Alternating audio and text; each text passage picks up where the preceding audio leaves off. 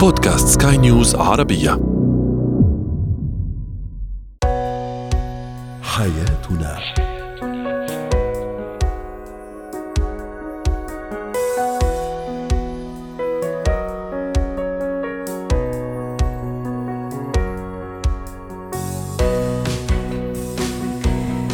الكرام أهلا بكم معنا على حياتنا. فضاؤكم اليومي الذي يعنى بشؤون الأسرة وباقي الشؤون الحياتية الاخرى والذي يمكنكم الاستماع إليه عبر منصة Sky News Arabia dot com slash podcast وباقي منصات سكاي نيوز العربية الأخرى. شاركونا عبر رقم الواتساب 00971 561 88 62 23 معي أنا آمال شاب. ما هي صفات الشخص المؤهل للارتباط للزواج لبناء أسرة وتكوين عائلة؟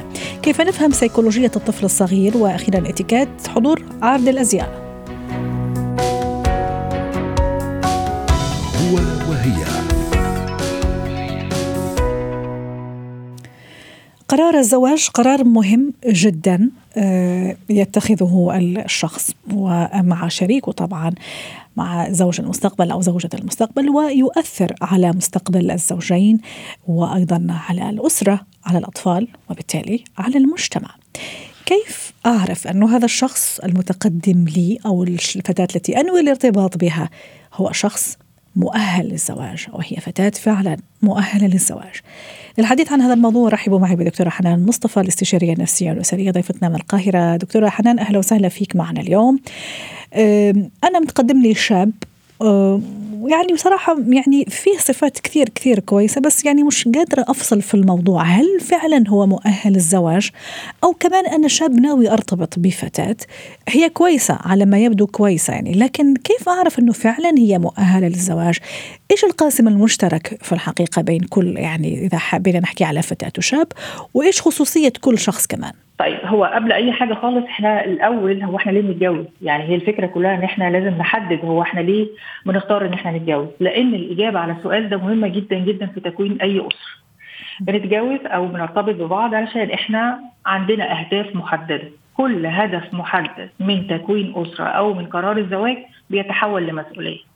لو إحنا بقى جينا نقول طب إيه هي بقى المسؤوليات دي أو إزاي ان أنا اعرف ان الشخص ده هيبقى مسؤول عن تحقيق الاهداف دي ولا لأ ده بقى ليه أكتر من يعني تفسير أو أكتر من نقول إيه الشخص المسؤول عن الزواج يعني في مؤشرات ظاهرية كده تقول هل هو مسؤول ولا لأ نعم. ظاهرية إزاي هو مثلا إحنا الاثنين متفقين أو إحنا الاثنين متوافقين بالنسبة للاهتمام بالمظهر إن هو يظهر بالشكل المناسب في المكان المناسب.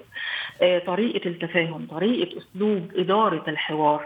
هل يا ترى إحنا بنسمع بعض علشان نفهم بعض ولا بنسمع بعض علشان نرد على بعض؟ رائع. الطريقة في إدارة الأسلوب بالشكل الظاهري يمكن حتى كمان من أول مرة بيحصل فيها اللقاء ما بين الاثنين مجرد بس إن هم بيتقابلوا عشان نشوف في قبول ولا لأ ويكملوا. دي ملاحظات المفروض شريك الحياة أو الفتى أو الفتاة أو الراجل أو الست يبتدوا إن هم يلاحظوها من الأول. لغة الجسد نظرات العين طريقة السمع طريقة إن هو بيتكلم إزاي بيقطعك إزاي في الكلام بيسمعك باهتمام ولا عايز يرد عليكي وبس. فكرة إدارة الحوار هل يا ترى هو شخص عايز يتحكم ويغير حسب الأوبشنز الموجودة في دماغه أو الأهداف اللي هو حاططها بس للجواز؟ فعايزك تتغيري على هذا الأساس بغض النظر بقى عن احتياجاتك أو اهتماماتك النفسية أو العائلية أو المجتمعية ولا إيه بالظبط؟ والكلام ده بالنسبة للطرفين مش راجل وست بس. صحيح. 100% حاجات ظاهرية بالظبط. حاجات بتبان في الأول. من أول مقابلة تاني مقابلة تالت مقابلة بتكون اتحددت. هي دي المعلومات اللي بناخدها من بره. كمان القدرة على اتخاذ القرار دكتورة حنان هل تشوفيه كمان عامل حاسم؟ ترى هذا الشاب اللي تقدم لي فعلا عنده القدرة على اتخاذ القرار يعرف يتخذ القرار المناسب وفي الوقت المناسب. نفس الشيء بالنسبة للفتاة اللي أنا أنوي الارتباط فيها. فعلا هي شاطرة هي ذكية تعرف تاخذ قراراتها. هل هذه كمان تشوفيها من الصفات الحازمة ويعني المفصلية إذا بدك؟ بالظبط هي محورية جدا محورية جدا ده في الأول خالص. لأن خلي بالك هو الجواز يعني جواز عيلتين مع بعض. والقرارات هنا بقى لو إحنا ما عرفناش مين اللي هيحدد ياخد القرار أو اللي عنده القدرة إنه ياخد القرار هيدخل فينا قرارات ناس كتير أطراف العائلة العائلتين مع بعض. وكأن ال- القرار هنا هيبقى مشترك مع إن إحنا الاثنين اللي هنعيش مع بعض. طيب في حاجات يتدخل فيها الأسرة وفي حاجات بيني وبينه. هو اللي لازم يقرر وأنا اللي لازم أقرر. إلى أي مدى إحنا الاثنين نقدر نتخذ القرار ده مهم جدا بيبان من الأول. يعني يجيلي كتير جدا ناس مقبلين على الزواج تقول لي هي مشكلته بس إن هو ما بيعرفش ياخد القرار. لازم أنا أقول له حلول عديدة للمشكلة واجي بالمشكلة بعد ما أقدم له الحلول لأنه ما بيعرفش ياخد قرار فمهارات اتخاذ المشكلة اتخاذ القرار وحل المشكلات من أهم أهم الحاجات اللي لازم تكون موجودة أو المهارات اللي لازم تكون موجودة في شريك الحياة. الثقة بالنفس هل من الأشياء اللي كمان تؤهل الشخص للارتباط؟ ومتى متى ما غابت هذا الثقة؟ آه، يعني آه، مفروض أني أقلق سواء كنت آه، فتاة أو شاب. أوقات كتير جدا التقدير الذاتي بيأثر على فكرة الثقة بالنفس. يعني إيه؟ فعلاً. يكون إنسان مش مقدر إمكانياته. آه يعني يعني تكون ال- الفتاة أو الفتى. يعني إحنا ما بنتكلمش عن نوع واحد.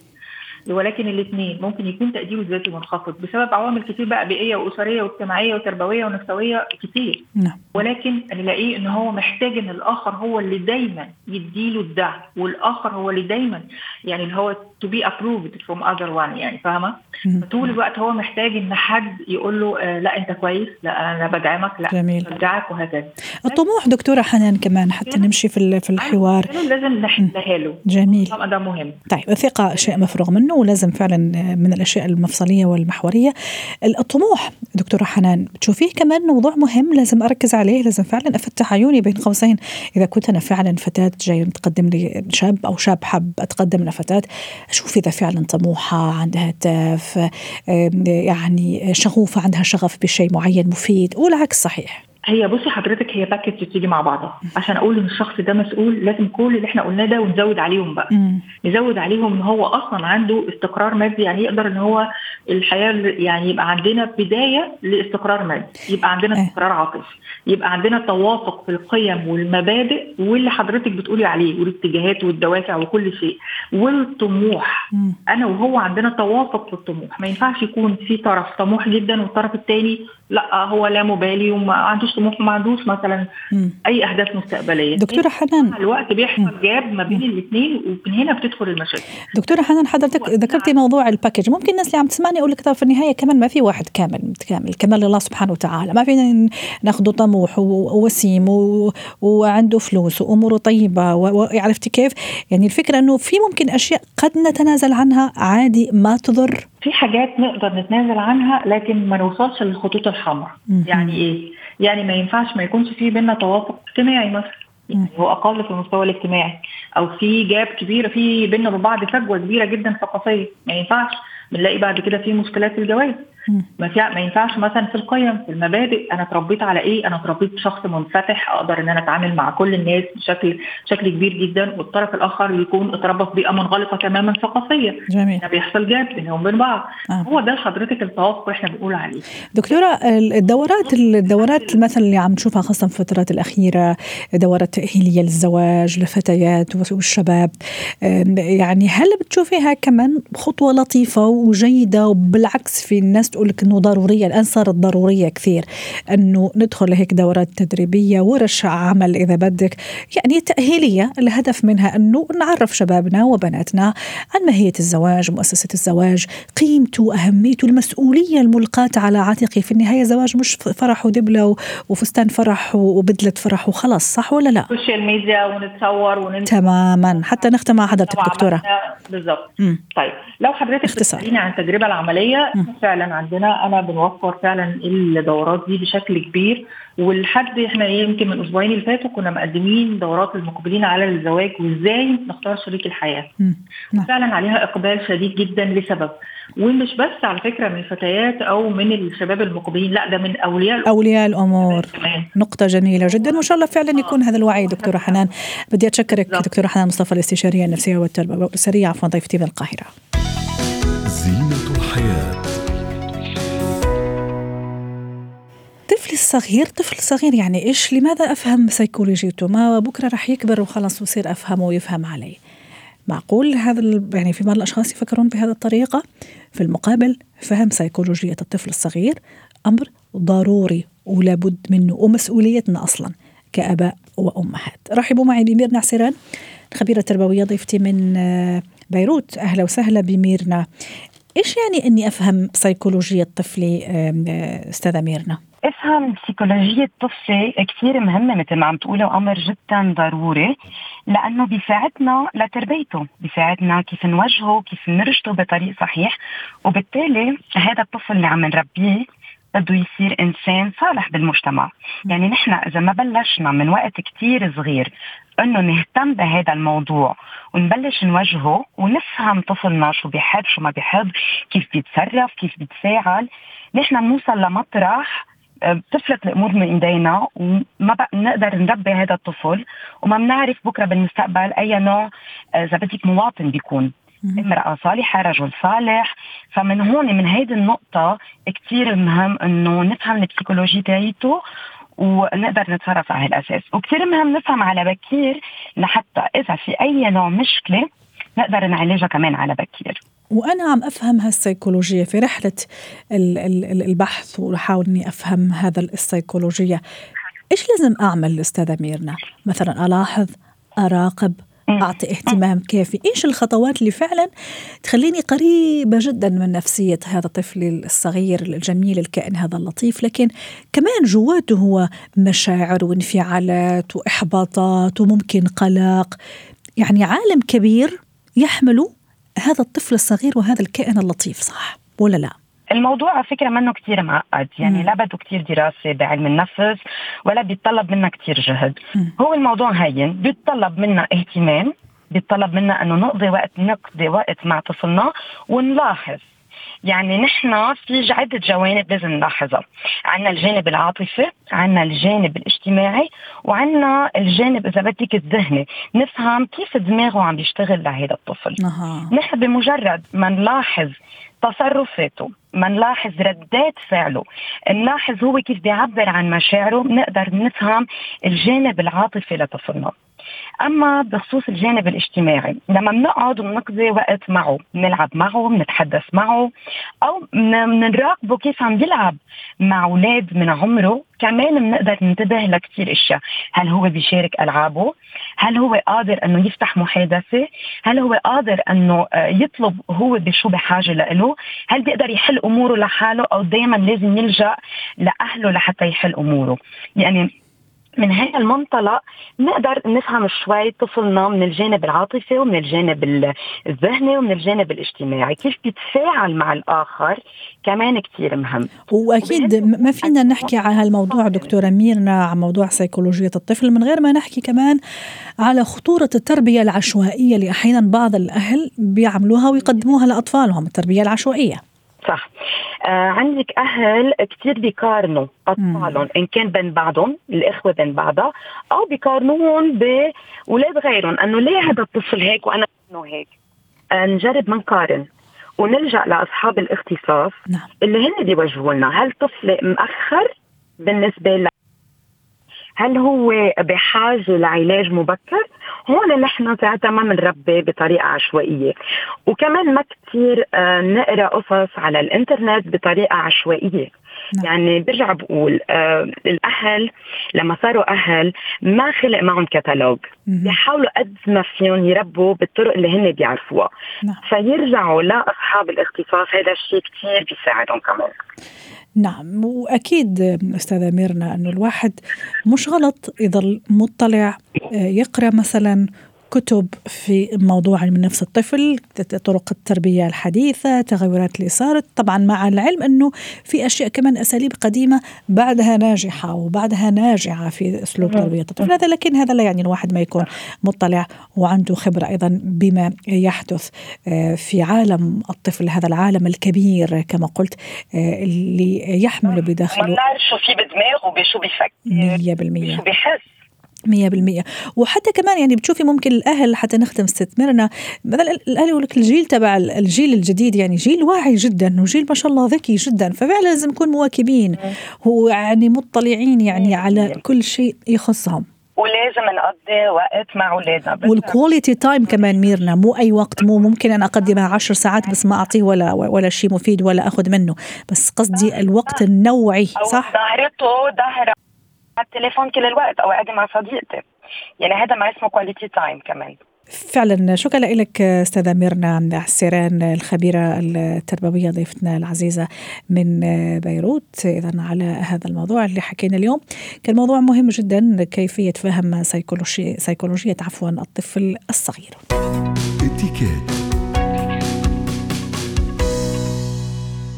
اليوم في اتيكيت نتحدث عن موضوع جدا مهم اتيكيت آه، حضور العروض عروض الأزياء الفاشن شو آه، سواء كانت يعني في الدولة اللي إحنا مقيمين فيها واحيانا عروض أزياء عالمية يعني معروفة في دول معينة وأسابيع موضة كمان. أحيانا تقام في دول معروفة باريس روما لندن يعني هذا الدول. دبي أيضا آه، دولة الإمارات أكيد يعني وجهه جدا مهمه للموضة والازياء أكيد يعني في اتيكات وفي طريقة لحضور هذا النوع من من العروض عروض الأزياء يعني الحضور سواء من ناحية الحضور الالتزام بالوقت أيضا لارتداء الأزياء المناسبة. بالنسبة لالتقاط الصور أيضا مش بطريقة عشوائية بشكل يكون منظم. الامتثال أيضا للقواعد ال rules اللي موجودة في هذا النوع من الفعاليات. للحديث عن هذا الموضوع رحبوا معي بناتاليا أندراوس خبيرة الاتيكيت ضيفتي من بيروت. أهلا وسهلا بناتالي. موضوع اليوم يا ناتالي كثير شيق وكثير من السيدات اتصور بحبوه اللي هو ال fashion show آه، عرض الأزياء عروض الأزياء كيف آه، أتصرف وما الذي يليق والمش وش الأشياء اللي ما تليق إني أقوم فيها لما أكون معزومة على fashion show. بالنسبة لعرض الأزياء آه لازم أنه أكيد وقت نروح نكون عم نحضر نحن انه ال show تبع عرض الأزياء. آه بدنا نشوف شو هو ال thème الموضوع العرض الازياء يعني إذا في haute couture أو إذا هو عرض ازياء للألبسة لأي نوع ألبسة. وعلى أساسه نحن آه لازم نكون كمان مختارين ال outfit تبعولنا كيفنا نحن. آه فإذا رايحين نحضر haute couture ما فينا نكون رايحين كثير sport إذا رايحين نحضر عرض ازياء آه مثلا عبارة عن casual type casual أكيد في يكون type نا آه كاجوال أكثر بس دائما أكيد دائما العرض الازياء إذا نحن بال عم نكون معزومين VIP بالصفوف الأمامية هون لازم كمان يكون عندنا في عندنا حضور معين. ما فينا نروح لابسين من شو ما كان لأنه بده يكون في الأنظار انه علينا ونحن طيب ناتالي أكيد موضوع الالتزام بالوقت كثير مهم. في بعض الأشخاص يعني آه، يأخذوا القاعدة اللي تقول إنه يعني خلينا ندخل مثلا آخر أشخاص يعني حتى الفت الانتباه والفت النظر. فموضوع مثلا الحضور في الوقت المناسب آه، التقاط الصور كمان يعني أو بمعنى آخر الالتزام بالرولز والقواعد اللي حاطينها المنظمين أيضا. البعض البعض البعض يقول مش الكل مثلا الشخصيات ممكن المشهورة ما أعرف إذا هذا صح ولا لا في الاتيكات مثلا ارتداء نظرات شمسية كبيرة يعني حتى ممكن الأشخاص ما يشوفوهم ما يضايقوهم ما يطلبوا مثلا أوتوغراف أو صورة إيش الصحيح في هال في هالنقطة؟ هلا هو آه، نعرف المشاهير دائما بيسعوا لحتى يكون في عندهم مظاهر تلفت النظر إنه ليكونوا مميزين عن الحضور الباقي لأنه بحكم إنه الشهرة تبعيتهم، ولكن إذا ما نحكي آه، بموضوع اللياقه والحضور وقت تكوني أنت بعرض ازياء بمكان بالداخل يعني ما في وجود للشمس. أنت أكيد العوينات النظارات هدول مش المفروض يكونوا موجودين على عيونك ولا أنه حتى تحطيهم ترفعي شعرك فيهم يعني هن هدول المفروض ينشالوا وينضبوا بالجلدين هلأ بالنسبة للتصوير كمان هون مع نلفت النظر آه في كثير ناس لأنه هذا عاد ازياء بيصيروا إنه رافعين إيديهم وعم بيصوروا ممكن يحجبوا الرؤية للأشخاص اللي يمكن يكونوا قاعدين وراهم أو حد منهم. يعني أحيانا ممكن البعض يرتدي قبعات كمان هذه كمان قد تحجب الرؤية على الأشخاص اللي موجودين في الصفوف الخلفية. صحيح. يعني هون كمان إنه حسب المكان المطرح ما هو موجود. يعني هلأ القبعة ما رح نقول إنه ما يلبس قبعه لأنه بالعكس القبعة هي من ضمن الأكسسوارات اللي بتنلبس يعني لحتى الواحد يعطي أناقة زيادة للمظهر تبعوله. وخاصة إذا عم نحكي عرض أزياء شيء كثير مرتب بس إنه ما تكون القبعة بشكل إنه كثير كبيرة وتحجب الرؤية مثل ما ذكرت حضرتك. جميل. بالطبيعة كمان إنه مش المفروض نكون نحن كمان عم نحكي على التليفون. يعني آه، في كثير ناس بيصيروا يفوتوا بيصيروا عم بيحكوا على التليفون. إذا بدك يعني هو آه، لازم يتم التعامل مثل أي عرض آه، ممكن مثلا عرض مسرحي أو عرض السينما. يعني أنت دائما هدول المحلات بتصفي بتحطي السلولار تبعولك الخلية تبعولك على الصامت. وبتكون مركزة على العرض اللي عم بيصير. كمان نتالي ضرورة الالتزام مثلا بأماكن الجلوس أو مقاعد الجلوس. في البعض مثلا يحرص على إنه يحب يكون في الصف الأمامي حتى يعني يشوف العرض أو الفشل شو بشكل أوضح. في حين ممكن الأماكن ممكن يعني خلينا نقول مثلا كل واحد اعطيهم مكان معين أو مقعد معين مرتبة مثلا حسب الضيوف. هذه كمان يعني حتى تمنع كثير إحراج. تصوري مثلا إجت سيدة مكان مش مكانها وجلست. اعتقادا منها انه ممكن تجلس في اي مكان. قصدي الالتزام بالرولز كمان كثير ضروري. أحيانا في البعض يبدي رأيه في في الملابس المعروضة ممكن حتى بصوت عالي بصوت ممكن يحرج الآخرين. شو ممكن نقول في هذا النقطة؟ بالطبع أكيد نحن وقت بنكون خاصة إنه يعني دافعين أو مدعوين لحتى نروح نحضر عرض أزياء مش من واجبنا نحن نكون عم نعلق بصوت عالي.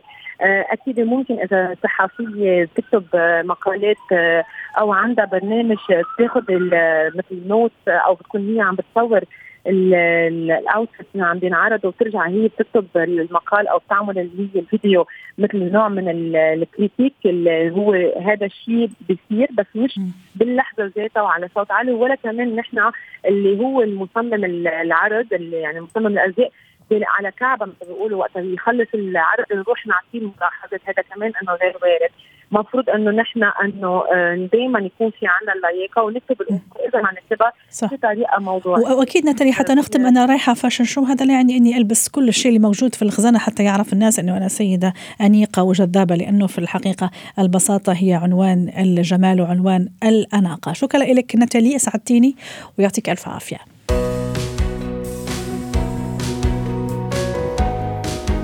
ختام حلقة اليوم من حياتنا. شكرا لكم والى اللقاء.